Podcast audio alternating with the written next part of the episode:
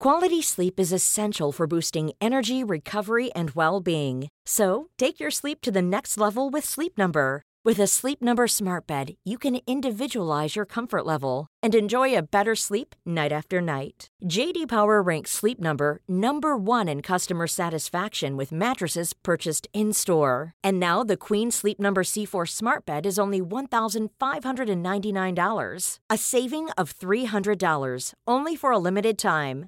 For JD Power 2023 award information, visit jdpower.com/awards. Only at Sleep Number stores or sleepnumber.com. Du kommer nu att få lyssna på Podden om ont. En podcast från smärtlindringsspecialisterna på Kaladrius. Fysioterapeut Tobias Malmheden och klinikchef Björn Rodin delar med sig av sina erfarenheter och kunskaper inom smärtlindring, stress och rehab. Varmt välkommen!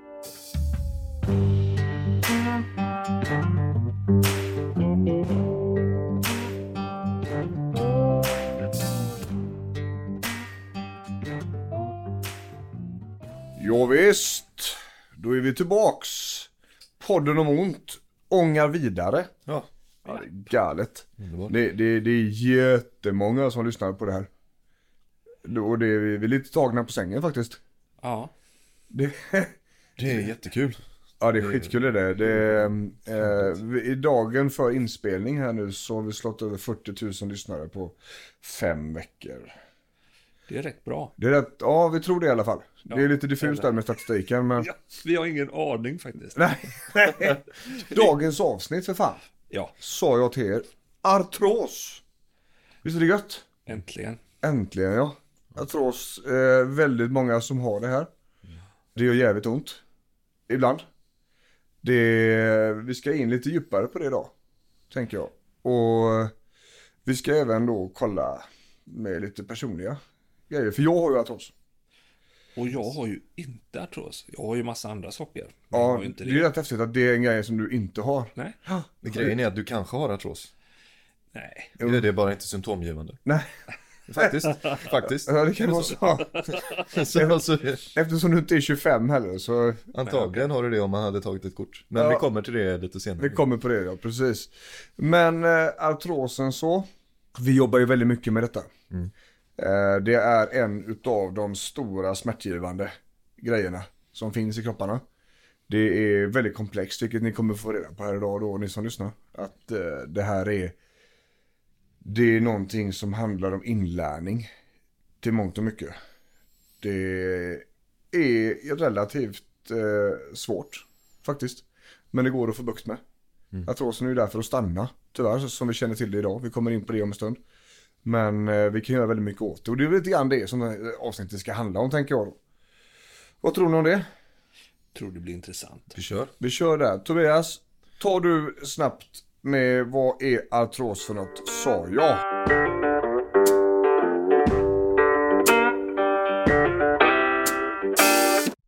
Artros är, det, det finns brosk som ligger som en, som en hinna på alla våra ledytor. Där ben går mot ben. Eh, vid en äkta led så finns det brosk. Och den är till för att det ska, det ska smörja leden och det ska glida fint och friktionsfritt. När man har artros så blir uppbyggnaden och nedbrytningen av det här brosket skev. Så att det bryts ner mer än vad det byggs upp. Och vilket då gör att det blir, eh, det blir ojämnt och eh, det blir svårt att röra på leden. Det blir stelt och det kan, eh, det kan göra ont. Tidigare så kallade man det för förslitning men det är inte riktigt sant utan ett, en bättre benämning på det är ledsvikt. För förslitning det, det gör ju, får man ju tanken att det går inte att göra någonting åt.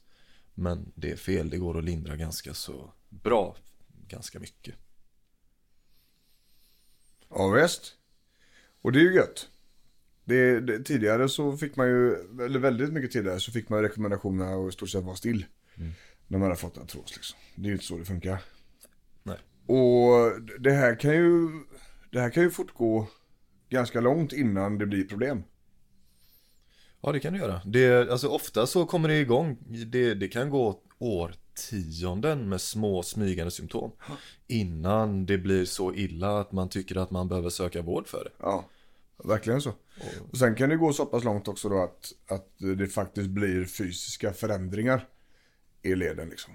Att, att eh, det ändrar sig, att utseendet i leden ändrar sig på grund av orsaker. Liksom. Ja, har det, gått, har det gått väldigt länge och man har haft väldigt mycket smärta så, så kan det, det kan bli snedställningar i leden. Det kan bli, det kan bli ganska stor belastningsproblematik utav det här. Min, min, eh, min knä, mitt knä, mitt vänsterknä, det ser ju inte likadant ut som mitt högerknä. Eh, och det är ju av den orsaken liksom. Det är ju mer fyrkantigt och skrovligt på utsidan än, än den där. Men du, vad, vi säger så här då, vi röntgar oss va? Jag har ont, jag vill röntga mig. Och så, så är, det, är det artros på den bilden enligt, enligt läkarutlåtandet. Så står det begynnande artros på den. Då är det ju precis i början.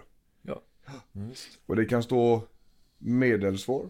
Eller nej, det står inte svår, det står medel. Eh, ja, de, de använder lite olika men, Ja, men ja, måttlig kan man, måttlig. kalla, kan man ja, säga. det var dit jag ville exempel. Eh, och sen har vi också kraftig sådär då. Eh, men nu är vi tillbaks. Vi snackade om det vid ett annat tillfälle där eh, tidigare avsnitt. Att vi kan inte jaga röntgen för röntgen ska liksom göras i inför operation.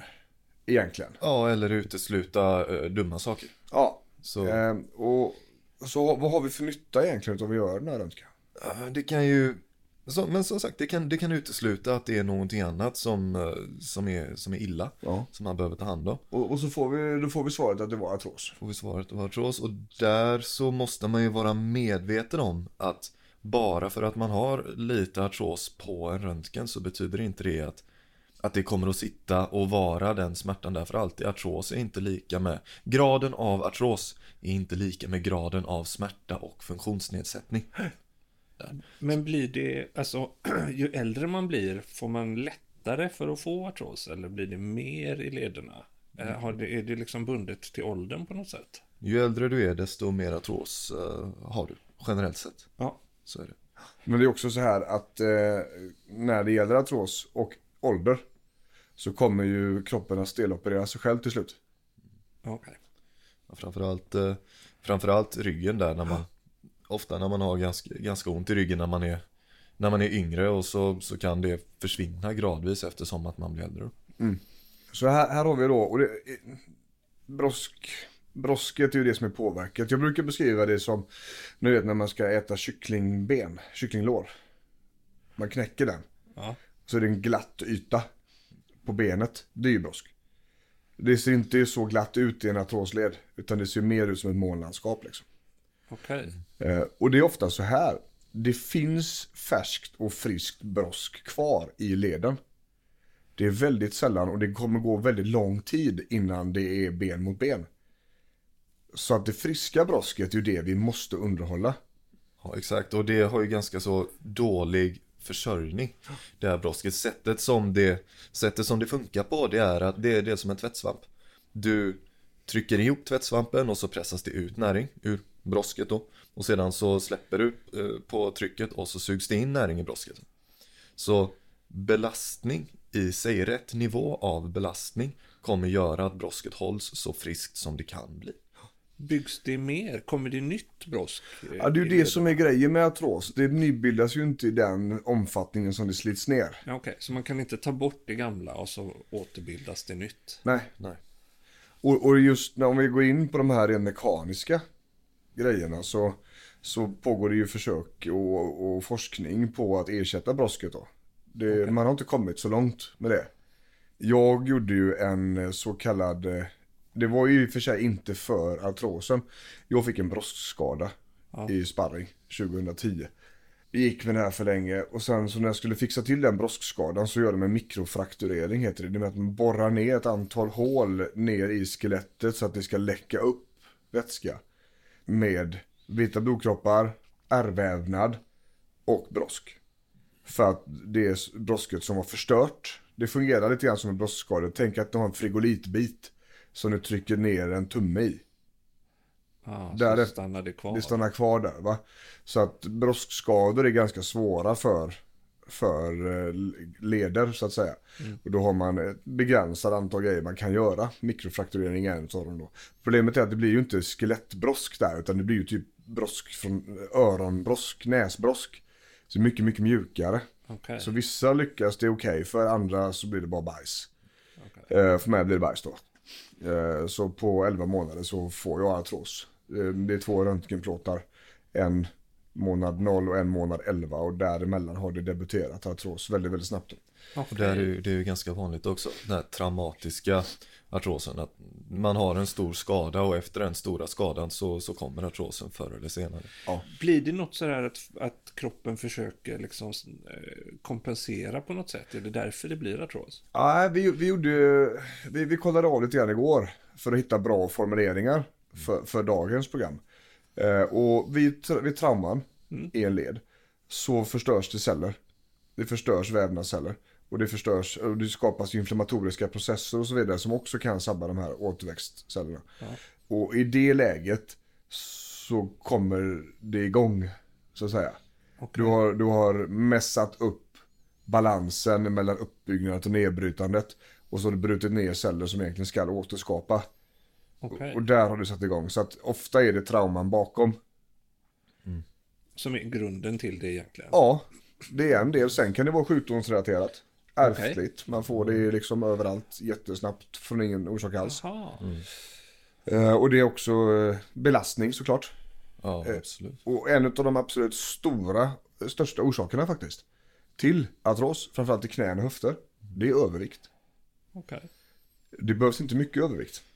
Men eh, vi, vi hittar siffror i artiklar, de pratar 8-9 kilos övervikt. I förhållande till vad kan man undra då. Men, men eh, från normalvikt och sen plus 8-9 kilo. Då ser man att förekomsten av artros ökar ganska markant då. Men eh, det finns väldigt mycket forskning. Det är väldigt mycket artiklar som snurrar runt oavsett. Vi, vi kan säkert hitta andra artiklar som, som visar andra siffror. Men det var en av dem vi sprang på igår i alla fall. Ja, så det är ju, alltså, ju, ju högre belastning desto, desto större risk kan man väl liksom Ja, sammanfatta det som. Ju, ju mer man har varit och pillat i en led. Har man haft en, en stor skada i en led, har man haft en stor operation i en led, har man en hög, väldigt hög belastning på en led på grund av övervikt eller av att man har arbetat till eller det, idrottat. eller idrottat. Ja, ja. Då har man en ökad risk för artros. Där kan vi väl någonstans dra en eh, generell slutsats. Ja, absolut så. Och, och det är också därför när, när det gäller operation va. Vi, vi, vi är ju sådana, vi avråder ju gärna från det om det inte är absolut nödvändigt. Men vi träffar också mycket folk som har i princip bara opererat sig för att titta hur det ser ut. Där man inte riktigt är säker på vad det är för något. Men man har ett sånt stort behov av att veta vad det är för något så att man har man har kommit fram med läkaren till att vi gör en titthålsoperation och så ser vi hur det ser ut. Okej. Eh, Så det finns, det finns en övertro skulle jag säga på operation. Men vad man behöver vara medveten om att även operationen, om det är en spolning eller en skrapning eller vad de nu gör där, kommer också att innebära, man går igenom muskelbuk, man går igenom ledkapsel, man går igenom, det blir ett trauma för leden. Ja, ja. Ja, det är klart att det blir. Så att även det traumat ökar ju risken för artros. Och, och det här med att eh, liksom med att byta byta, byta ut leder och så här som vi har. Det gör man inte bara, bara sådär om vi, nu, om vi nu snackar operation olika Absolut. typer av, olika typer av sånt där. Och, och tron på att allting ska bli bra bara man får operation eller bara man får ett ledbyte. Det, det är otroligt mycket Du kommer att kräva otroligt mycket träning på det innan och efter ett ledbyte för att vara så bra förberedd för det som du, som du kan vara. Sen ska man ju säga det att, att, att när, när det blir aktuellt för ett byte av leden så har det gått väldigt långt. Det gör väldigt ont. Eh, och det finns, alltså det är så ont så att det är handikappande. Man kanske inte kan gå mer än ett par meter utan att det smäller i knät liksom eller så här va. Går inte att träna. Nej, det går inte att göra någonting. Och, och då vet man ju om att men det här är en av grejerna som sjukvården faktiskt är riktigt duktiga på. Och, och riktigt vassa på, det är att byta ut leder. Eh, Och det blir ofta ganska bra. Speciellt knälederna, där finns det väldigt bra siffror. Eh, när vi gjorde research inför den här för att bara uppdatera oss lite grann så hittade jag någon där att och upp mot 90% får ju en smärtlindring i hela rörelseapparaten genom att byta ut leden men där har du också nyckelordet ju och, och syftet smärtlindring. Ja. Du, du byter ju sällan ut en led för att du ska kunna springa igen. Nej, nej. Utan du byter ut en led för att minska på smärta och öka lite vardaglig funktion. Ja. Så om man, om man har en irriterande, molande led som jobbar sig hela tiden och har gjort i flera år och, och tror att man ska byta ut en led för att det ska försvinna helt och jag ska kunna idrotta på samma nivå igen. Då är man lite fel ute. Ja. Tyvärr alltså. Man tänker om. Ja. Så, så det är ingen quick fix. Och eh, det är sannolikt inte lösningen för den här lindriga till måttliga artrosen utan där är, där har man ju till och med sett att träning är lika effektivt som smärtlindring. Eh, som mediciner för smärtlindring när man har mild till måttlig artros. Perfekt. Eller hur? Ja. Och eh, det är ju någonting vi måste in lite mer på. Just hur gör vi, när gör vi det sådär. Men vi kommer in på det om en liten stund tänker jag. När det gäller ledbytet där, det är väldigt intressant. Jag tränade en, en, en man för ett par år sedan som eh, var för detta toppidrottare. Och där var, där var lederna som sabbade knäna. Att det var ben mot ben. Det hade låst sig. Eh, och det är ju vad man kallar då en fyragradig eh, artros. Alltså den, den svåraste formen. Där det blir vanställt helt enkelt. Där leden inte går att arbeta med och göra någonting alls. Han hade inte speciellt ont. Men eftersom han, in, han, han gick liksom med böjda ben. Och det får ju en konsekvens i ryggen. Eh, eftersom baksida lår inte kan utöka liksom. Och han bytte ut eh, bägge knälederna inom loppet av ett och ett halvt år tror jag.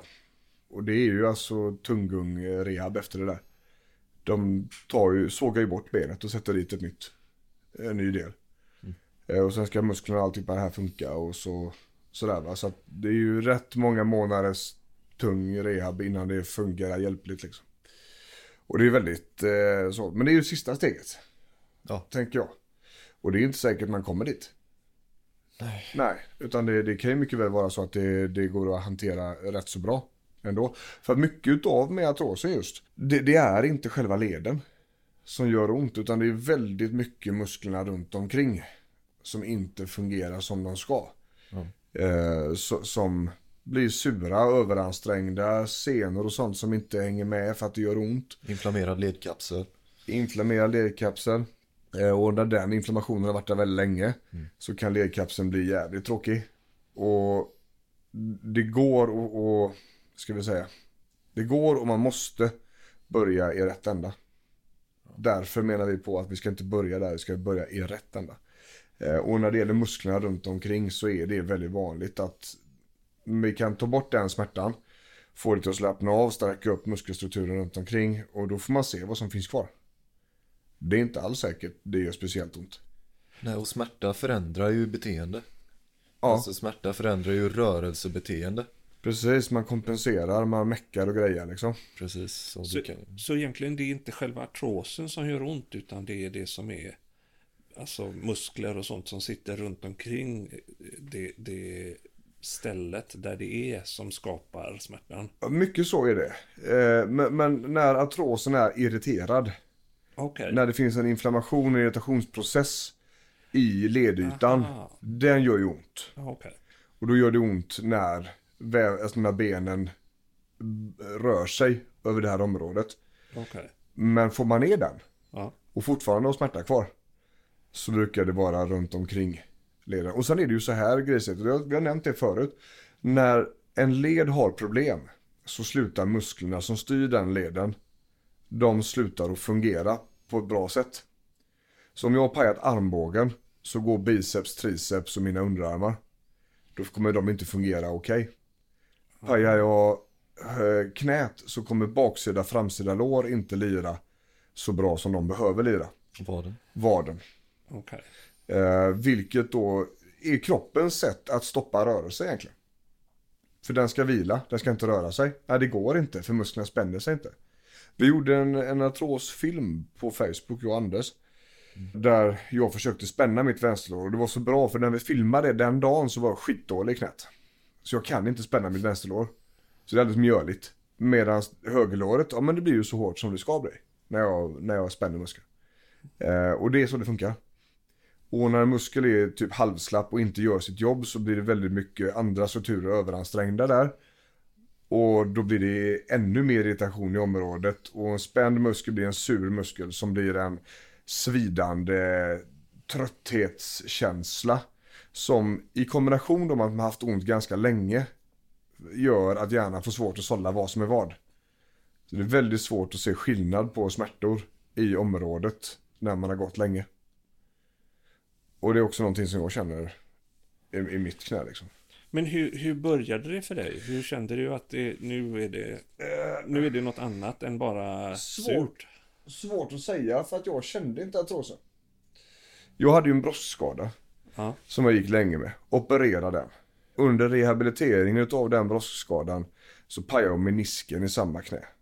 Ja. Och meniskskador, det, det behöver vi nog inte ha ett helt avsnitt för. Men det, det, man kan säga så här, det, de kan paja random.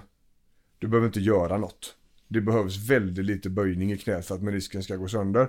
Om situationen är rätt. Mm.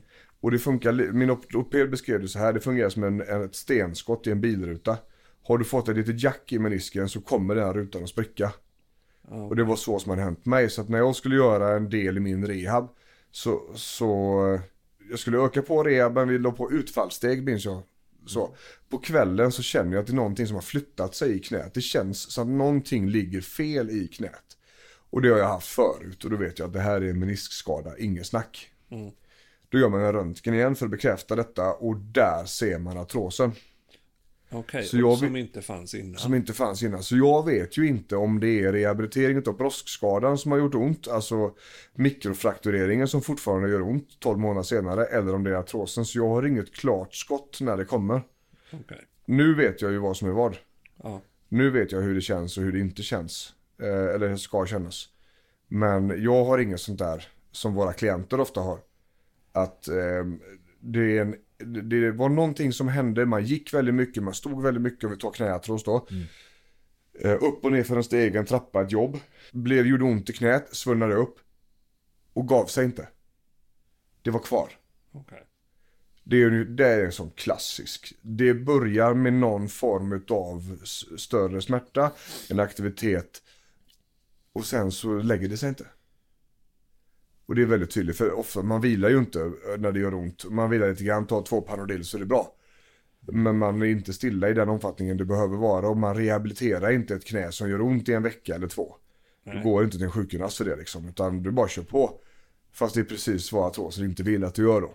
Och sen också det här att när man, när man luskar lite djupare i det så har det ju ofta varit ömt eller ont i perioder över år av tid innan men det är inte det första man tänker på. Nej, Så, och det är precis som du säger där, då går man inte och gör någonting åt det. Och du hittade, hittade lite intressanta siffror också igår då innan, inför, inför den här och det är alltså bara ungefär 10% av alla patienter med artros som faktiskt går till en, till en fysioterapeut. ja. Alltså man, man gör det inte. Nej. Och vilket då innebär att det är väldigt många som skulle kunna få det ganska mycket bättre. Ja, och motverka att det blir ganska mycket sämre. Ja, ja. Så. Men, men man rör sig inte som det är meningen. Man vet att det är bra att röra på sig egentligen. Men man har anledningar att inte göra det, eh, tycker man. Och så, och så går det sju år och så är det ett stort problem helt plötsligt. Och det, var ju, och det är ju det här vi snackar om också. Mycket. Vi måste ta hand om skiten i tid. För att smärta blir värre över tid. Ju längre du har haft ont ju sämre blir det. Och ju svårare blir det att bli av med. För att då börjar det påverka livet. Och när livet blir påverkat så blir det väldigt svårt. Det var, tog vi faktiskt första avsnittet. I smärta smärtlindring. Precis. Så att det är väldigt intressant. Vad, vad såg de siffrorna med där? Vi hade posting goa grejer till där va? Ja, jo men det var, det var ju den grejen där att eh, träning är lika effektivt som läkemedel när det kommer till smärtlindring. Ja. 10% ja. Det kan jag skriva under på kan jag säga. ja. Det, jag tränar ju mina ben tre, fyra gånger i veckan. Med de övningarna jag kan göra. Och det gör att mitt knä mår som absolut bäst. Då är det bara de här extremvinklarna jag inte kan eh, göra. Eller eh, dumheterna som jag inte kan göra med knät. Men eh, där, då fungerar mitt knä så bra som jag behöver att det ska fungera med så lite smärta som möjligt. Men det är tre, fyra pass i veckan alltså. Och det finns ingenting som slår det. Ingen Voltaren, Orudis, Tramadol, ingenting som kommer till närheten utav den smärtfriheten som blir efter träningspass. Och det, det ser man också. Jag, jag har inte symptomgivande artros själv. Men när, när jag jobbat mycket med, med patienter som har det och det är ju ett pusslande. Ja, Och ger man, grejen är att ibland ger man upp för snabbt. För att det gör ofta lite ondare i början. När man börjar testa, börjar träna. Och det, det får göra, det, det är också det som är grejen, det får göra lite ont Ja. i början. Bara det försvinner efter 24 timmar. vi kommer in till det sen. Då vi, Ja, När vi ger riktlinjerna för liksom, Ja okej, ja jag är lite före min... ja, Ja, lite före din tid. ja, ja. Ja, barn och vår tid. Ja, Nationalen. ja, där är vi inte. Nej. Nej, vi, Där var vi den. inte nu. Nej. Men jag tycker det är intressant det här med att man, att, att man kan träna och att det hjälper så pass mycket. Alltså att det, det känns inte som det är världsstora saker man behöver göra för att det ska få en smärtlindring. Nej, nej, nej. Det, det, det är ju så. Och nu, vi kommer in på det också. Det, träningen är en del. Ja. Men att lära sig sin artros, det är den stora delen. Ah. Lära sig hur det här funkar. Hur artros funkar, hur den beter sig, hur din artros beter sig. Vad du kan göra, vad du absolut ta med fan inte ska göra med den leden. Eh, och allt det här. Det, det, det sorterar ju under liksom utbildningen som vi behöver ha för att kunna klara oss. Så att när, när folk kommer till oss och tror man ska få några eh, enhörningsövningar och hitta den heliga graalen i rehab. Så får vi alltså, göra dem lite besvikna där för att det handlar mer om att, att gå i skolan nästan. Eh, Så, men vi kommer in på den sen. Jag tänkte, jag tänkte så här lite grann. Vi ska, vi ska ta, gå igenom ett par leder. Med vanliga tillstånd. Just artros, vi ska gå nerifrån och upp. Och så ska vi ge lite små korta lösningar på det där. Eller som vi jobbar med. Ska vi göra så att vi, vi betar igenom dem? Är du sugen på det Måns? Ja, det är jag sugen på. Det är sugen som Jag fan på verkar det. ju ha artros i alla leder nu när jag sitter här och känner efter. Nocebo-effekten är här är mycket stor. ja, strong Ja, in this one. det är strong in this one. Okej, men Tobbe, vi börjar nerifrån. Kör igång fotleden sa jag. Nu blir det reklam! Vill du komma i kontakt med vår klinik i Stockholm eller Göteborg? Då tycker jag att du ska gå in på kaladrius.se och fylla i ett kontaktformulär där. Artros i fotleden. Grejen med artros i fötterna är att det är, det är pilligt. Ja, det är jävla mäcker det. Det är så många små jävla ben och leder och det, det hålls ihop med, med ligament framförallt. Muskler runt omkring också. Så det är trixigt när man har artros i fötterna. Om ni, om ni tar på fötterna så känner ni att de är ganska skelettiga. Det finns inte lika mycket muskler som till exempel i låret. Det, det gör att det är väldigt svårt att träna. Plus att man kommer inte undan det. Har du artros högre upp, då, då blir det ju, då- kan du avlasta det på olika sätt. Men foten måste du ju nästan alltid belasta. Jättesvårt och då, är- om man svår artros och behöver faktiskt avlasta, då är det ju kryckor det handlar om alltså. Ja, ja jo så är det. Ja, eh, så det är lite mäckigt. Men när, om vi ska hitta en lösning där då, då, då vill ju vi gärna att vadmusklerna är så väl fungerande som det överhuvudtaget är möjligt. Eh, stående vadpressar, sittande vadpressar, olika skopövningar med fötterna, eh, tåkrullningar, det här med att man samlar ihop, om man lägger en, en handduk på golvet och sitter barfota och så försöker samla ihop handduken med tårna genom att krulla in den. Där kan vara en bra början, men ingenting ska göra ont. Inte, ja, ja, inte, ja, Ja. jo, det kan få göra lite ont, vi kommer in på det sen. Men det ska inte bli värre utav att göra träningen, så mycket kan vi ju säga i alla fall. Det ska inte bli värre efter 24 timmar. Ja. Det får bli värre under tiden. Ja. Då går vi vidare till knäleden, eller?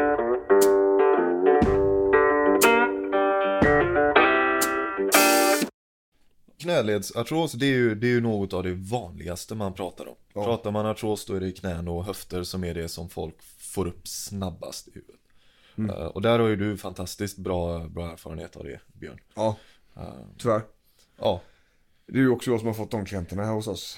De flesta, eftersom jag kan relatera på ett annat sätt. ja precis. Så det är både jobb och eget jobb med det där. Så, så där, där finns det ganska mycket, det finns ganska mycket sagt, det finns ganska mycket, ganska mycket forskning Och så, så det, där handlar det ju den klassiska biten om att våga belasta på rätt sätt framför allt. Ja.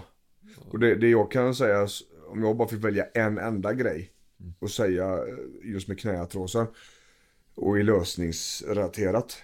Man måste hitta en övning för lårmusklerna, framsida och baksida, som inte gör ont. Och det finns en vinkel. Det finns, det finns alltid en vinkel.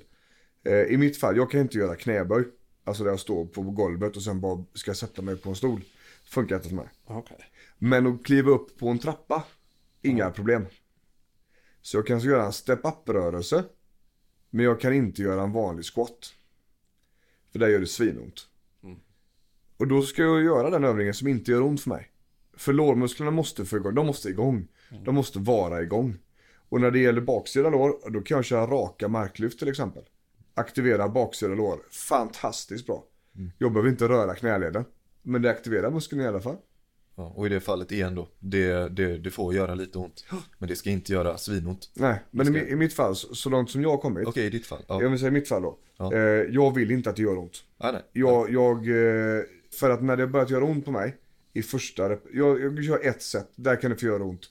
Har det inte släppt i andra setet så lägger jag ner.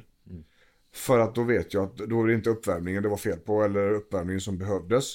Utan nu var det irriterat. Det var färdigt för idag. Eh, Men då har du hittat in där. Första Ja. sättet får göra ont. Liksom. Ja, precis. Först istället får Får jag ont. kännas. Därefter så går det inte. Och sen så har jag hållit på så pass länge nu och är så pass nördig med smärta och sånt där. Att jag känner vilken, vilken smärta som kommer. Det är viktigt. Jag känner när det är grus i leden. Och jag känner att fuck my life, här ska jag bara sätta mig ner nu. För att det här är inget bra.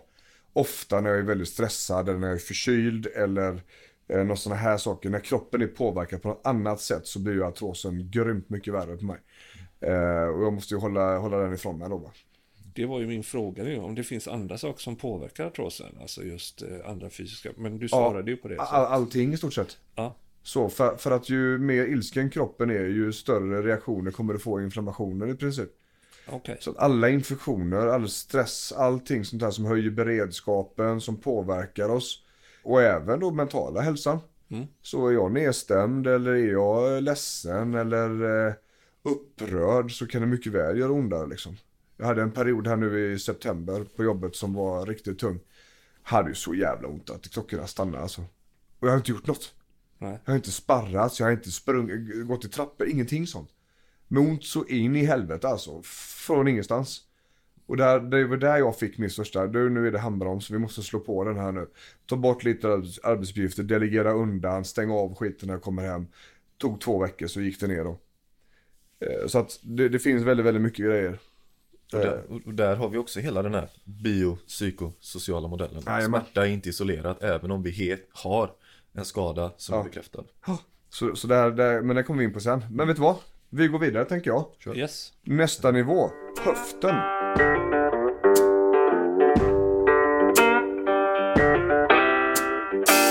Så höften är också ett sånt där, där det är vanligt förekommande i litteraturen och, och ute på i stugorna om man säger. Och när det kommer till höft, höftartrosen så är det ju ofta så att har man känningar i ljumsken eller på framsidan av höften så är det mer troligt att det är leden som är påverkad. Har man känningar på utsidan av höften så är det mindre troligt att det är leden som är huvudproblemet. Visste du det Måns? Nej. Det är rätt coolt. Höftleden sitter alltså på framsidan av kroppen. Inte på utsidan. Man tror ju att den sitter på utsidan. Absolut. Ja. Men där är det ofta mer mjukdelar som är påverkade. Om du kan ta på det, palpera det som det heter. Okej. Och det gör ont där så är det sannolikt en mjukdel som är irriterad. Jaha. Och, och knölen som man känner på utsidan det är muskelfäste. För en massa olika muskler. Ja, Okej. Så att- Trokanter. Trokanter ja, då fick han in det också, latinska grisordet. Ja, trokanter major. Ja visst. Eh, men, men det är ju så alltså att eh, höftartros väldigt ofta går fram i ljumsken. Okej. Så att när någon kommer in till oss, hej jag tror eller så, jag ja jag har ont här. Okej, du har inte ont där framme? Nej, nej, nej, aldrig. Men här gör det ont hela tiden. Då vet du fan. Och, och då blir det problem. Om man har gjort en röntgen som visar lite, lite grann artros i höften. Fast man har ont på fel ställe. Ja. Då måste vi ju börja föra dialogen med, vet du vad?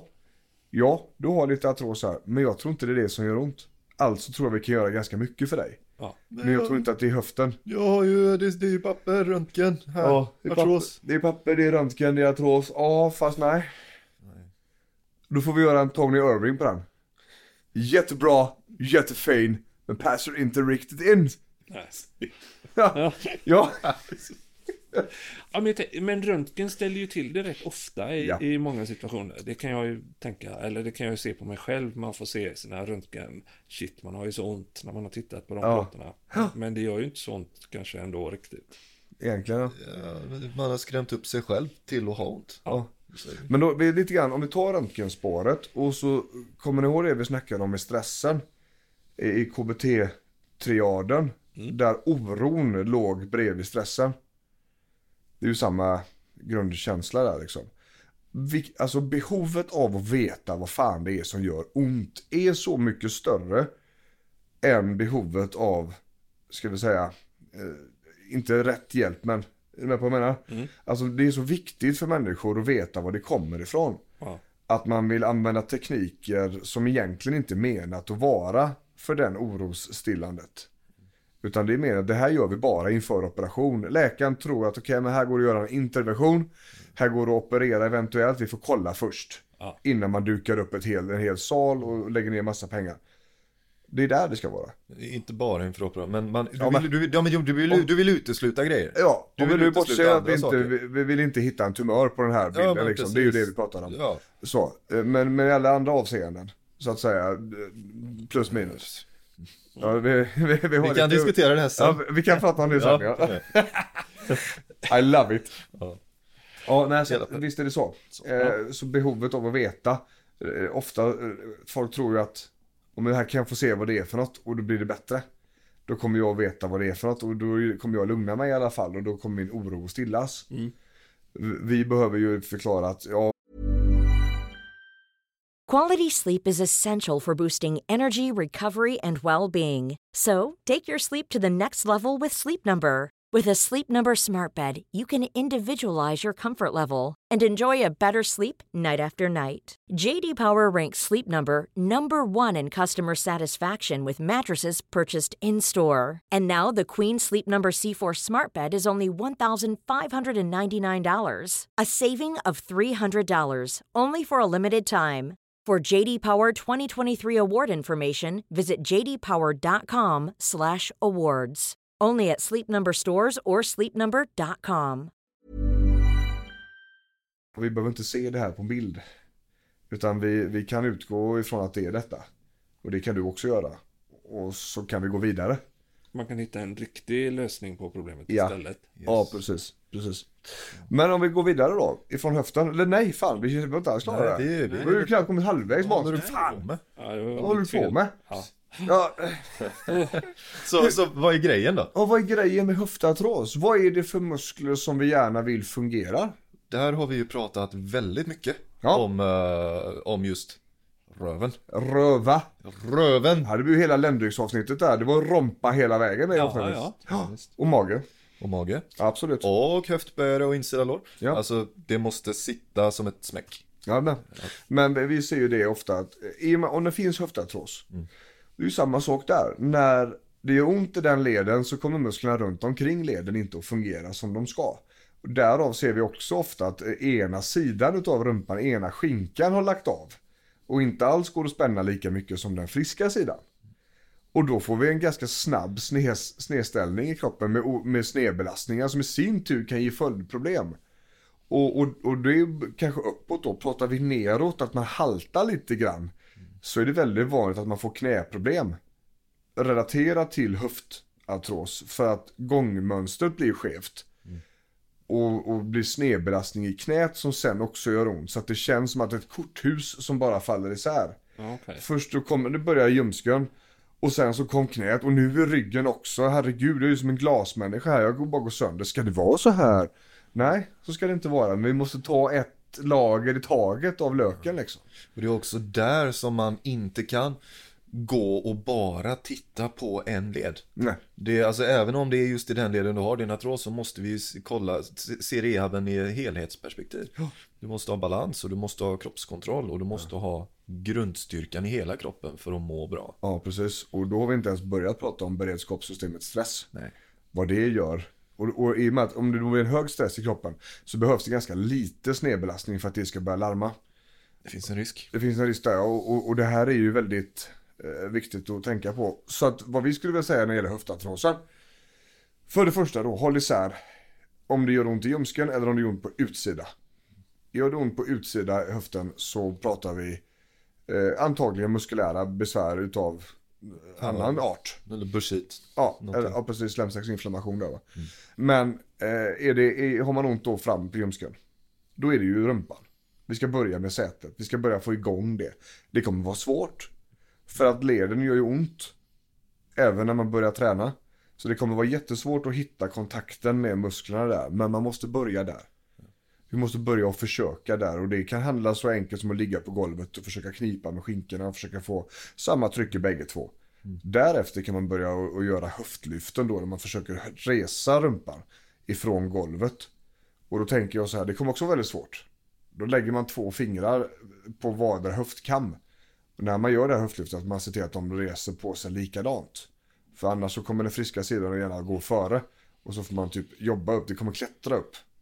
Så. Och faktiskt se till att det, det bränner i, i uh, skinkorna när vi gör öv- övningen. Så att vi inte bara gör, gör rörelsen utan så, ja, men så att vi inte bara gör rörelsen utan att, utan att tänka på vilken muskel det är vi vill ha igång. Den mind-muscle connection som man kallar det för. Jajamän. Ska vi då gå ifrån, eh, ifrån höften Uppåt. till eh, fasettlederna eller? Nu blir det reklam! Vill du komma i kontakt med vår klinik i Stockholm eller Göteborg? Då tycker jag att du ska gå in på kaladrius.se och fylla i ett kontaktformulär där. Så facettledsartros, det, det är en sån här där man ofta ser, har fått på röntgen. Man har den här vad det kallar för ospecifik ländryggssmärta. Eller lumbago. Eller någonting sånt va. Och så tar man ett eh, kort på, på den, alltså man, man gör en röntgen. Och så ser man att okej men du har förändringar på dina facettleder. Och facettlederna det är ju, det är ju li- de, de mindre lederna bak i ryggraden som, som styr rörelsen. De kan man känna på ryggen om man, om man tar på den med mitt i ryggraden. Eh, behöver inte ge symptom. Behöver inte alls ge symptom, men om man belastar dem på fel sätt under en lång tid, till exempel om man går med en stor svank, så kan det bidra till smärta. Och eh, det där är väl något utav det kanske lurigare som vi har. Det är väldigt svårt att vila ryggraden. Den är ju med så fort vi står upp i princip. Vad vi däremot ser är ju att rotationer är ju någonting som gärna sparkar igång det där. När man har problem. Och böjningar. Ja, bakåtböjningar och rotationer i det här fallet. Bakåtböjningar och rotationer är inget bra där. Och lösningen, träningen där. Det, det är ju alltså muskelkontroll. Få kontakt i musklerna runt omkring. För det är ju samma sak där då Måns. Att när fasettlederna bråkar så kommer musklerna som löper över där. Bland, om man har det lägre ner i, i ryggen så kan det bli så att magen inte riktigt lirar. Okej. Att stabiliteten i bålen, bålmusklerna går ju runt, transversus abdominis, den inre korsettmuskeln, den går ju hela vägen runt så. Ja. Och när det är irriterat i muskelfästena på den så kommer den kanske inte riktigt att vilja spänna sig som den ska. Då kommer du få besvär med bålstabiliteten vilket i sin tur riskerar att öka besvären. Okej. Det hänger ihop väldigt mycket. Det, det, det hänger ihop det. Och, och den bålkontrollen som vi har, den, den påverkar ju liksom, vilken revbensposition har du? Skapar du en svank uppifrån? Vilken bäckenposition har du? Skapar du en svank nerifrån? Hur ser kontrollen ut i ryggmusklerna? Spända hela tiden. Är bålen inte med? Ja. Alltså alla de här grejerna samspelar ju i att skapa en, en situation med belastning som är ogynnsam för lederna. Och där man får jobba på både aktivering och rörelsemönster. I träning och i vardagen för att få bukt med det där. Ja. Så den är lite lurig sådär. Det, vi- vi har ju övningar där vi gärna, ska vi säga, en övning som kallas fyrpunktsstå. Där man står på alla fyra knän och händer. Och sen så lägger man en, en stav längs med ryggraden. Och sen så höjer man diagonalerna. Vänster ben och höger hand. Bara lätt, lätt ifrån marken. Det kommer att aktivera musklerna utan att det rör ryggraden. Okej. Den är väldigt trevlig faktiskt för just facettleds. Vi gjorde, du och jag gjorde en grej på det. Eh, En film på Facebook. Ja. Eh, där vi hade en av artrosfilmerna som vi har gjort. Du dissade min manbun. Ja, precis. Det. Det kan jag nu också om det. Det gör ingenting alls. jag och Måns kör NMT-frisyren. och, och Tobias har håret i en knut bak i huvudet. Ja. Ja, men vi har två. Å andra sidan skägg, det har inte han. Nej. Nej, Nej, det är så sant. vi Ni, ni, trumfar ni, ni ändå. flyttade ner håret. Ja, precis på ryggen. Ja. Eh, nej men kontrollövningar för, för eh, ryggen utan rörelse. Och det här är jävligt intressant nämligen för det, det här är en, en återkommande princip som vi jobbar mycket med när vi får in de här svårare artroserna. Hur aktiverar vi muskeljäveln utan att röra leden? För det går ofta. Det gör det. Mild muscle connection. Mind muscle connection. Vi kan ta ett exempel. Kör. Jag har ju grisen i knät här va. Nu håller jag upp mitt ben så här. Jag sitter i en soffa eller en fåtölj. När jag sträcker ut det benet. Här. Det hör man nästan. ja. Undrar om det hörs. Men vi gör så här. Kan vi ta micken där? Det är mitt knä då va? Så. Men nu, i och med att jag gör den här extensionen utav benet så är också spänt lårmuskeln. Det är lårmuskeln som drar upp det här. Tänk att det sitter typ som ett gummiband i smalbenet och så drar vi upp den så. Ja?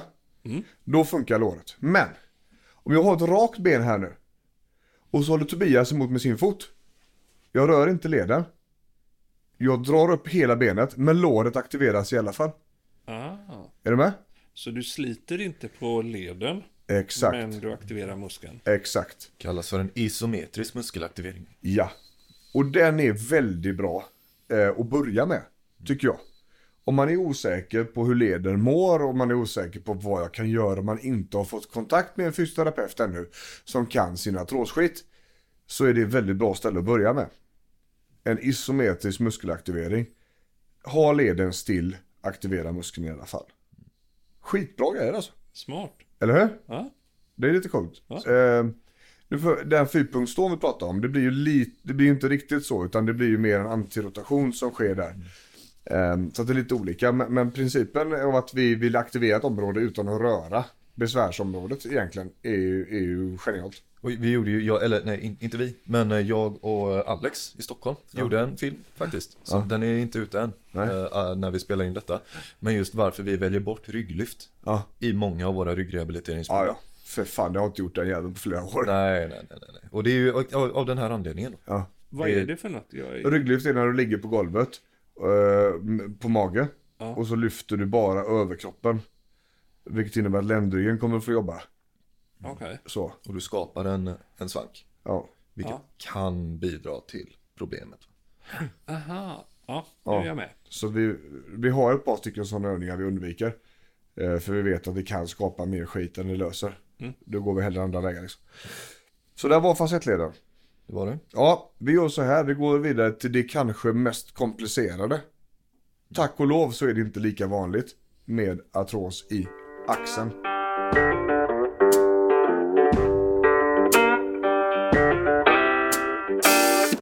Och axeln är ju en extremt komplex struktur. Uh, med en ganska så liten, eh, om, man, om man tar eh, den vanligaste axelleden, glenohumeralleden, så är det ju Det är ju som att lägga en, eh, en golfboll på en golfpegg. Det är ju ungefär den ledytan som vi har att jobba med i axeln. Det är väldigt beroende av eh, muskulär stabilitet och kontroll för att det ska funka. Ja, precis. Och det är ju lite grann för att vi ska kunna röra den här armen 360 grader då. Så att allting hänger ju i trådar i princip, trådar och muskler.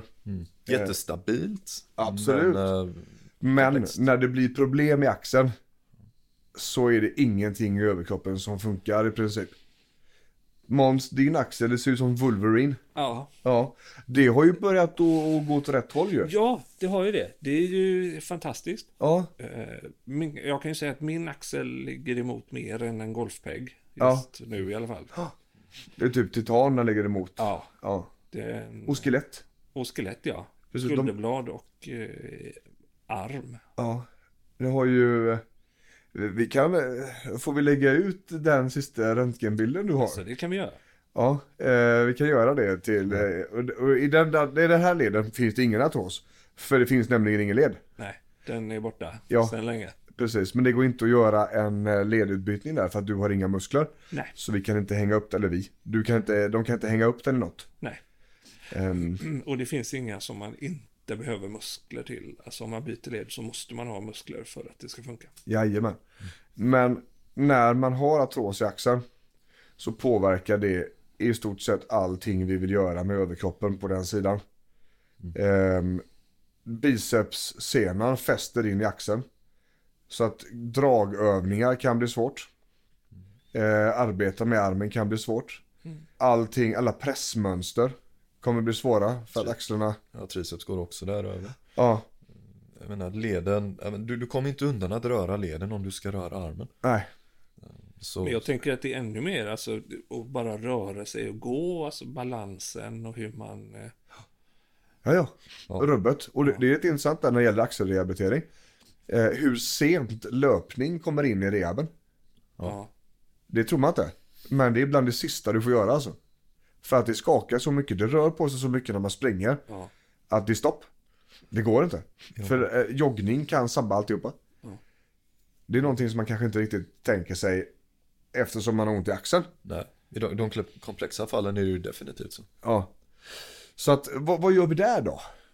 Ja. Hur fan gör vi det? Ja, hur jobbar vi med axeln utan att jobba med axeln? Ja, det finns ju. Ja, och och där var ju eh, Måns inne på, på någonting det här med, med skulderbladet. Absolut. För skulderbladet är ju en del av axeln. Och den har lika mycket, eh, vi behöver jobba med det lika mycket som med själva axelleden och utåtrotationen. Ja. Som är det klassiska. För att eh, hela skuldran ska må bra. Och det är också någonting som man jävligt ofta glömmer bort. Alltså inom konventionell rehab. Man får göra utrotationer i gummiband och, och så här trams i trams. Fast det finns ingenting processat i skulderbladet överhuvudtaget. Och, och det här vet ju vi for a fact. För eftersom vi får in folk till oss eh, på Caladius ganska sent i vårdprocessen.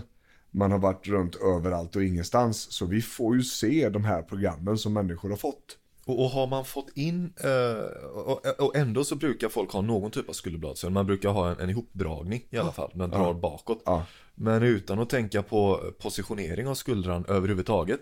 Tänk på att göra så här, det ska tilta si och inte så, och det ska kännas på det sättet och inte på det sättet.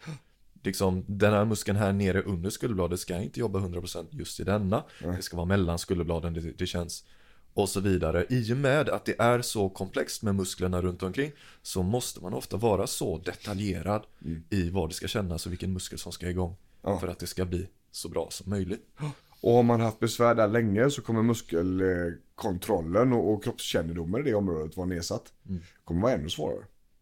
Om man dessutom stressad så pass mycket för att man har haft ont så blir det ännu svårare. För ju mer stress du har i dig ju svårare kommer du att känna i kroppen. Liksom. Så då är vi inne på det biopsykosociala igen då va? Ja. Så. Men eh, om vi, alltså vi, vi brukar ju säga så här om man, om man ska dra en, en stor bred grej med, med skulder, axel, rehab Så har vi fyra grejer, fyra huvudområden som, som vi nästan alltid jobbar med Köp. Vi har rotatorkuffen Ja. och det är utåtrotationer, det är viktigt Ja. så, så den brukar folk fixa Sedan så har vi musklerna som drar ihop skulderbladen Ja. Det är viktigt och det brukar finnas i de flesta program också Ja. Sen har vi muskler som stabiliserar skulderbladet mot bröstkorgen Den är mer sällsynt. Ja, tilta framåt uppåt Serratus anterior. Vad är Jajamän. det för övning? Eh, Hur man ser kan den ut? tänk, eh, om ni youtubar på scapular punch. Eller serratus armhävning. Okej. Man kan säga så här, tänk att man håller eh, armen framför sig eh, med 90 grader. Ifrån axelleden och 90 grader armbågsleden. Sen så går den rakt upp. Och då är det skulderbladet som ska flytta fram detta. Okej. Inte axeln som bara ska resa sig utan trycket ska komma bakifrån ryggen så. Ah. Ja. Den är svår att berätta om eh, Ja. on air. Ja, precis. Men, eh, Man kan säga så här, eh, det finns en maskin som kallas för smittmaskin. Där det är en skivstång i en fixerad rörelsebana. Eh, den kommer ingenstans, den löper längs två stänger upp och ner. Om man lägger sig i den i en vinklad bänk och har armarna rakt, precis som man ska göra en, en, en, eh, bänk, bänkpress. Fast man böjer inte armarna. Utan man flyttar stången upp och ner i alla fall. Fast Okej. utan att flytta armarna. Ah. Eller utan Ja. att böja armarna. Ja. Då tränar du serratus anterior. Och det är det sista, typ högst upp i en eh, i armhävning. Det kan vara där också, Ja, precis. toppläget där. Eh, där muskeln ser ut som en fjäder. Sitter under bröstmusklerna på, på alla. Är det, ja. Ja, man ser den väldigt tydligt hos boxare. Och väldigt tydligt hos eh, bodybuildare eller fitness som, som jobbar hårt på att ha så lite kroppsfett som möjligt. Kallas för boxarmuskeln. Kallas för boxarmuskeln också ja. När man gör den pressen får man ju se till att inte bröstmusklerna tar över då. Mm. Så det gäller att lirka lite i den också. Jajamän. Men, och, det, och det fjärde eh, grejen som man får jobba på det är ju eh, bröstryggen och rörligheten där. Ja, precis. Att det är stopp. Man kommer så att man, man drar fram händerna, armarna framför ansiktet. Därefter ska de ju fortsätta gå och ta upp så att de står i stort sett rakt ovanför huvudet. Plus minus. Man behöver inte komma så högt upp. Man kan klara sig gott om man har lite mindre där också. Men om det är svårt att komma liksom strax framför ansiktet innan det börjar bli bryt i ryggen. Då har man lite att göra alltså. Så det är olika för olika personer. Det behöver inte vara ett problem. Men det är en av grejerna vi tar hand om när vi har axelproblem. Och i relation till, till artros och smärta då. Men, men just på, på tal just om att gör, röra en axelled. Det handlar också i artros att hitta rörelser som inte gör speciellt ont. Och då brukar faktiskt den eh, eh, eh, Seratus push-upen i smittmaskinen. Den, den har jag använt mycket för mina artrosklienter. Ja, det, det beror ju också på, är man, är man en eh, modell mindre Ja. så kan det vara för tungt också. ja, absolut. Eh, och, och i början av rehaben kan det också vara tungt. Ja, man Men- kan ju ändå göra samma sak, samma rörelse fast typ med gummiband. Ja. Att man lägger gummibanden runt sig och har dem i händerna. Precis. Och gör precis samma rörelse. Mm. Den kan du göra stående också. Den kan man göra stående och är, då är vi inne på en scapular punch igen. Ja, Vilket precis. är skitbra. Och, och då är vi så här, vi tar nästa, vi tar den sista. Nacken. Det är näst, näst sista. Ja just det, vi hade med tummar och fingrar också. Ja, precis. Kör nacken.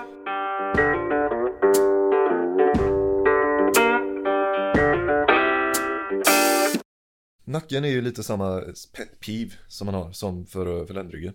Du, du eh, gör en röntgen, hittar artros och sen så har du, är det det som skapar dina problem.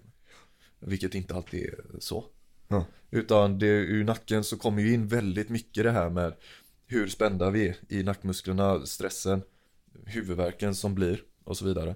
Balansen, precis som vi snackar skuldra, så påverkar den typen av, av övningar och rörelse, eller brist på rörelse, även nacke och funktionen där. Ja. Så det är, ett, det är ett komplext samspel mellan skuldra och nacke. Mm. Eh, Men har man artros i, i nacken så är det också det här att försöka att hitta, hitta en, en, en rörelse som inte är super ihopsjunken. Utan när man har en normal, så att säga, hållning, normalt rörelsemönster. Ja. Och jobba på skulder.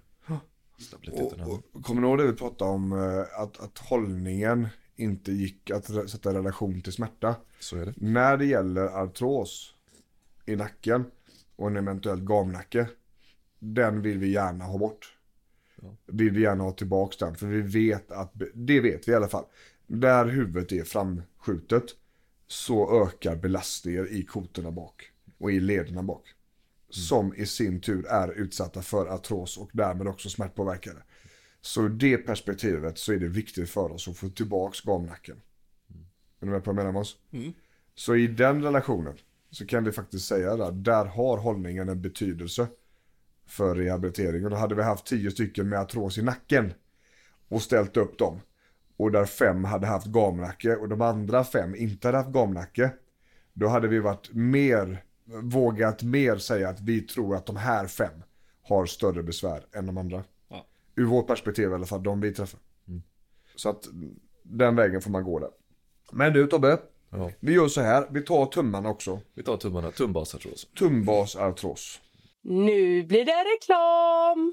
Vill du komma i kontakt med vår klinik i Stockholm eller Göteborg? Då tycker jag att du ska gå in på kaladrius.se och fylla i ett kontaktformulär där. Tum.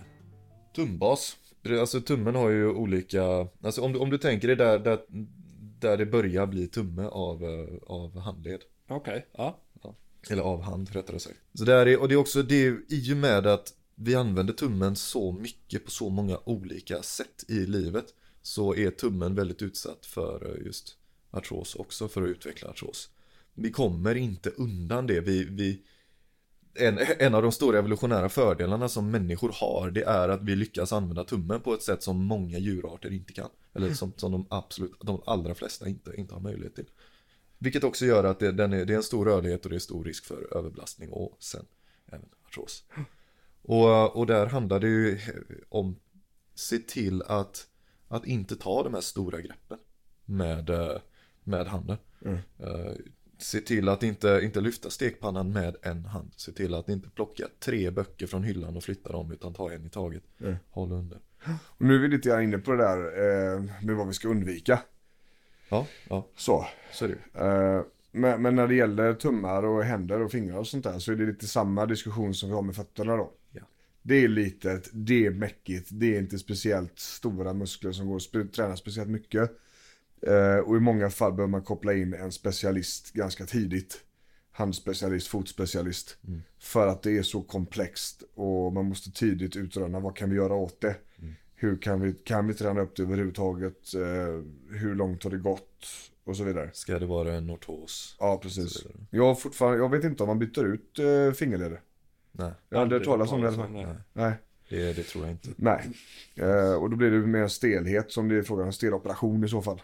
Eh, om det är riktigt stora problem. Men, men det, det är ju en väg man inte vill gå.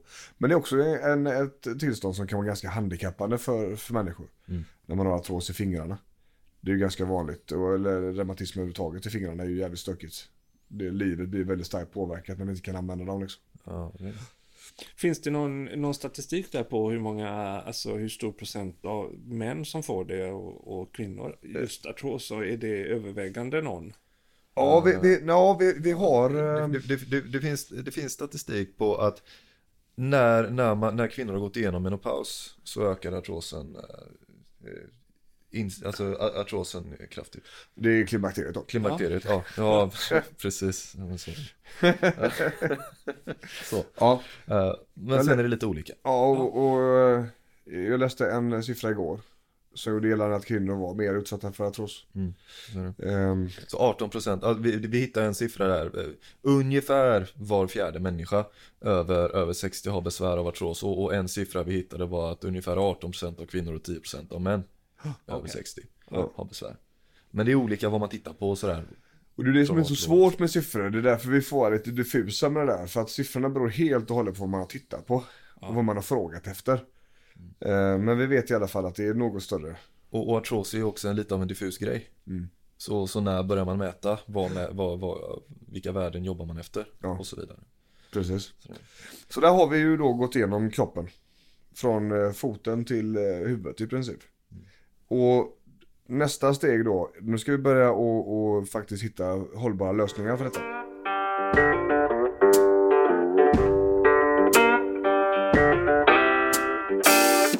Nu har vi gått igenom lite snabbt, led för led, men utbildningen är det stora. Yes.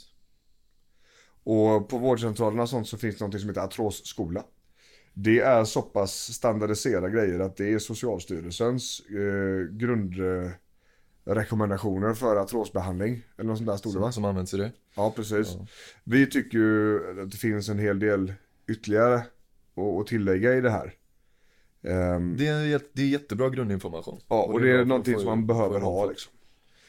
Det är ett par stycken olika prylar man måste veta om med artros.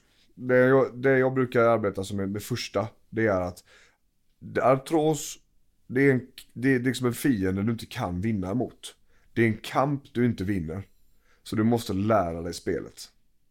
Du kan aldrig kämpa emot artrosen, du måste jobba med artrosen. För om du är på och petar så kommer artrosen bli irriterad, det kommer bli ännu värre. Och då behövs det väldigt lite ytterligare för att den ska bli ännu ilsknare.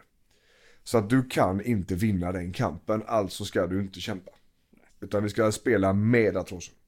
Så du måste lära dig vad det är du kan göra. Du måste lära dig vad det är du inte kan göra. Och du måste lära dig, om det har blivit för mycket, vad ska jag göra nu? För att få ner det. Det liksom är de tre viktigaste punkterna som jag känner. Sådär va. Eh, och, och det är, utbildningen handlar om dels vad är det som har hänt i leden. Dels hur ska jag träna. En del i utbildningen handlar om att hitta övningar som inte gör speciellt ont. Hitta min smärtnivå som jag tycker är okej. och som jag får positiva effekter utav. Jag måste också kunna få hjälp att identifiera vad får jag negativa effekter utav. Jag har ju till exempel eh, promenera på hårt underlag är ingen bra grej för mig. Kullersten, sämsta som finns i hela världen. Då blir det olika belastningar, det är ojämnt underlag och det är så hårt som det går. Kullersten är ju väldigt mycket hårdare än asfalt till exempel. Asfalten ger ändå viss svikt. Löpare och sånt som springer på kullerstenen, det, de säger samma sak. Det är vidrigt alltså. Det, det gör jätteont. Men jag kan inte gå där. Jag kan inte stå för länge. Och jag har vissa vinklar jag inte kan sitta i. Eh, och jag har väldigt nedsatt rörlighet. Jag kommer ju till 90 grader i mitt knä. Jag kan inte gå över. Och redan där gör det ont liksom. Så att jag vet mina begränsningar. Det är också begränsningar jag inte kunnat utöka på ett par år. Så jag, jag har accepterat att de är där liksom. Vad händer rent om du, om du ökar graden, om du går över 90 grader med knät? Alltså, Du, faller- sprä, du spränger i knät. Okej, men det faller ihop? Nej, nej, nej, nej, det, det gör jätteont. Ja. Jag, jag har ju en, en interartikulär svullnad konstant i det. Aha. Eh, om det är ärrvävnad eller vad det är för något. Det, jag misstänker att det hade kunnat gå och kanske gå in och rensa upp för att öka Mm. eh, rörelseomfånget något. För det har varit så här dålig rörelse i många år nu. Mm. Men att operera en artrosled är ingenting du vill göra. För den hatar det över allt annat. Jag gjorde det, jag opererade ju menisken som jag berättade om som jag skadade. Och det var artros i det. Eh, och jag har aldrig haft så ont någon gång. En meniskoperation det ska vara in och ut på, på sex veckor. Ja. Och så är, liksom, är du klar att röra på dig igen. Det tog tre månader innan svullnaden la sig. Då hade jag sådana här, vad man kallar för smärtgenomträngningar då. Eh, där all medicin upphör att fungera. Och det finns ingenting annat i sinnesvärlden än smärtan i knät då, eller i området. Det är lite som en fest. Ja, precis. Och det vet jag du också haft. Ja. När, när, det är jättesjukt alltså. Alla mediciner man tar, det kan vara morfin, det kan vara vad som helst. All effekt upphör så här, Borta. borta. Och det, man blir glasklar i huvudet. Men man kan inte, det finns ingenting annat i hjärnan just då än det som gör ont. Och det är vad man kallar för smärtgenomträngning då. Då fungerar inte medicinen längre. Det är, jag har inte riktigt koll på biokemin bakom det. Det hade jag nästan behövt ha en läkare, farmakolog här för att Inte jag heller Fråga. faktiskt. men det här är ett känt fenomen och det är next level med smärta. Det är också den som antagligen har sabbat min smärtkropp då, eller min smärttröskel. Eh, vilket innebär att eh, jag, har fått, jag, jag får jobba väldigt intensivt med att ha koll på min egen smärtbild så att säga. För jag vet att jag får ondare än vanligt än vad jag behöver ha. Alltså blir jag inte så orolig när det gör ont utan jag får mer bara undersöka vad är det för något. Så att eh, i min led så gör det jävligt ont. Det, det blir väldigt stort, väldigt tjockt och det blir obekvämt och det gör även ont efteråt. Det fortsätter göra ont efteråt. Så utbildningar är det stora. Hitta övningar som inte gör speciellt ont. Är det andra stora. Acceptera nivå av smärta. En accepterande av smärta. Sedan så är det ju så att eh, det finns en irritation i det här området och det kanske är så hela tiden. Så det kan finnas läge faktiskt för medicin. Det finns mediciner mot eh, artros som fungerar för vissa. Eh, där ska man ju snacka med sin läkare och, och kanske ha mediciner som man kan lägga på vid behov. Eh, det finns också ett par stycken grejer som förvärrar det. Och där, där tänker jag att vi ska ta lite grann om det. Just eh, saker som vi springer på i våra vardag på Kaladius. Som vi vet eh, förvärrar artrosen. Nu blir det reklam! Vill du komma i kontakt med vår klinik i Stockholm eller Göteborg? Då tycker jag att du ska gå in på kaladrius.se och fylla i ett kontaktformulär där. För stor belastning Tobbe? Ja, Ja, alltså för, för stor och fel belastning. Det är ju det är den stora grejen ja, egentligen. Antingen så, så kör man på bara och, och, och, och skiter i smärtan överhuvudtaget. Eller så, ja det är väl det. ja. Och eh, man gör fel övningar vid fel tidpunkt och för mycket eller för ofta. Ja, och, och för länge. Och i samband med resten av livet som man inte har tänkt på också belasta leden. Sådär. Och det kan, ju vara, det kan ju vara så enkelt att man står på ett golv på dagarna på jobbet. Och så har man lite ont hela tiden. Och så ska man gå till gymmet och så ska man köra någon klass. Eller man tränar ben eller står på en crosstrainer. Eh, då har det varit väldigt mycket belastning i den leden på dagen. Det är inte alls säkert det blir bra tills imorgon. Eh, så det är en grej. Passivitet. Det är ju andra sidan på myntet. Inaktivitet ja. Det är ju det. Och det är ju därför också som man säger att för de som har den här tendensen att gasa på, de ska bromsas. Ja. Lite, måste. Och de som har en tendens att inte göra någonting måste göra någonting. Ja. Och där ser man ju också det här att, ja men ju, som, som vi sa precis i början här, brosket behöver den här kontinuerliga, gradvisa belastningen och avlastningen som blir av en promenad eller av lättare aktiviteter för att få så bra näring som du kan få. Ja. Så gör man ingenting så kommer det bara bli värre och värre och värre. Ja. Så, så där har ju vi, det är ju det vi ser som förvärrar. Så här, de här grejerna va. Ehm, Ytterligheterna. ytterligheterna ja. Och det är väl lite grann det som är huvud, huvudshowen här idag tänker jag. Alltså ha koll på vad som förvärrar, gör inte de grejerna. Nej, Så den här klassiska, det gör ont när jag gör så här. ja, gör inte så då. Ja. Jag kommer ihåg oss för länge sedan när, när du och jag började umgås eh, så, bodde, så hade du en lägenhet med eh, en dörr på en toalett. Ja. Med massa kort och massa tidningsurklipp och sådana här helt Ja. random. Och så var det en bild på en jätteopererad led, massor utav stygn. Ja. Jag har ont eh, när jag går på benet. Jag går inte på det benet då. Nej, Nej, precis. det är lite så. Så det är ganska lätt. Ja, det är ju faktiskt så. Eh, men om vi ska dra ihop säcken på det här avsnittet så måste vi ju då gå tillbaks egentligen till första avsnittet. För där pratar vi om den biopsykosociala modellen. Yes. Artros, övningar, är, övningarna i den här rehabiliteringen det är den biologiska delen. Vi måste träna på ett sätt som inte gör speciellt ont. Vi måste se till att musklerna runt omkring är starka. Vi måste se till att musklerna runt omkring den irriterade leden fungerar så bra som de kan. Det är svårt eftersom det finns en irritation i leden. Så vi måste få ner den också. Den psykologiska delen så måste vi ha en förståelse för hur det fungerar. Vi måste ha en del i sammanhanget, vi måste vara en del i rehabiliteringen, vi måste veta vad vi kan göra och inte göra.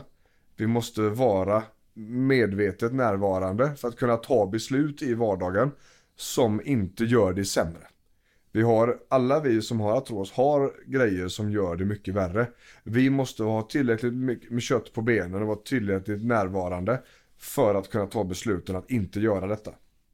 När det gäller då den sociala cirkeln så blir det också, om jag har artros och inte kan vara med och spela innebandy med grabbarna så kommer det här att sätta sig lite halvsurt. Vilket vi också måste jobba på. Jag måste jag kan inte säga nej till allt det roliga sociala bara för att jag har artros i mitt knä.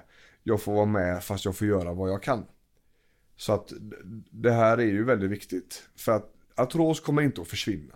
Artros är där för att stanna. Vad vi känner till idag så går, finns det inga botemedel mot det. Det pågår försök och då är det framförallt brosktransplantationsförsök. Där man sprayar på eh, stamceller som ska få det här till att växa. Jag vet inte hur långt de har kommit men vi är i alla fall inte där ännu. Det tar säkert ett decennium till. Men fram till dess så kommer artros att vara där för att stanna. Artros är också en fiende du inte kan vinna emot. Utan artrosen är helt nödvändig att du lär dig. Ja. Så är det. Så då tänker jag så här. Kaladius.se går vi in på om vi vill veta mera. Vi har även en betydande mängd eh, filmer på Facebook. Om artros och allt möjligt. Titta gärna på dem. I övrigt ifrån orten i Göteborg säger vi hej Björn. Tobias. Måns. Säger vi hej. Ja, det.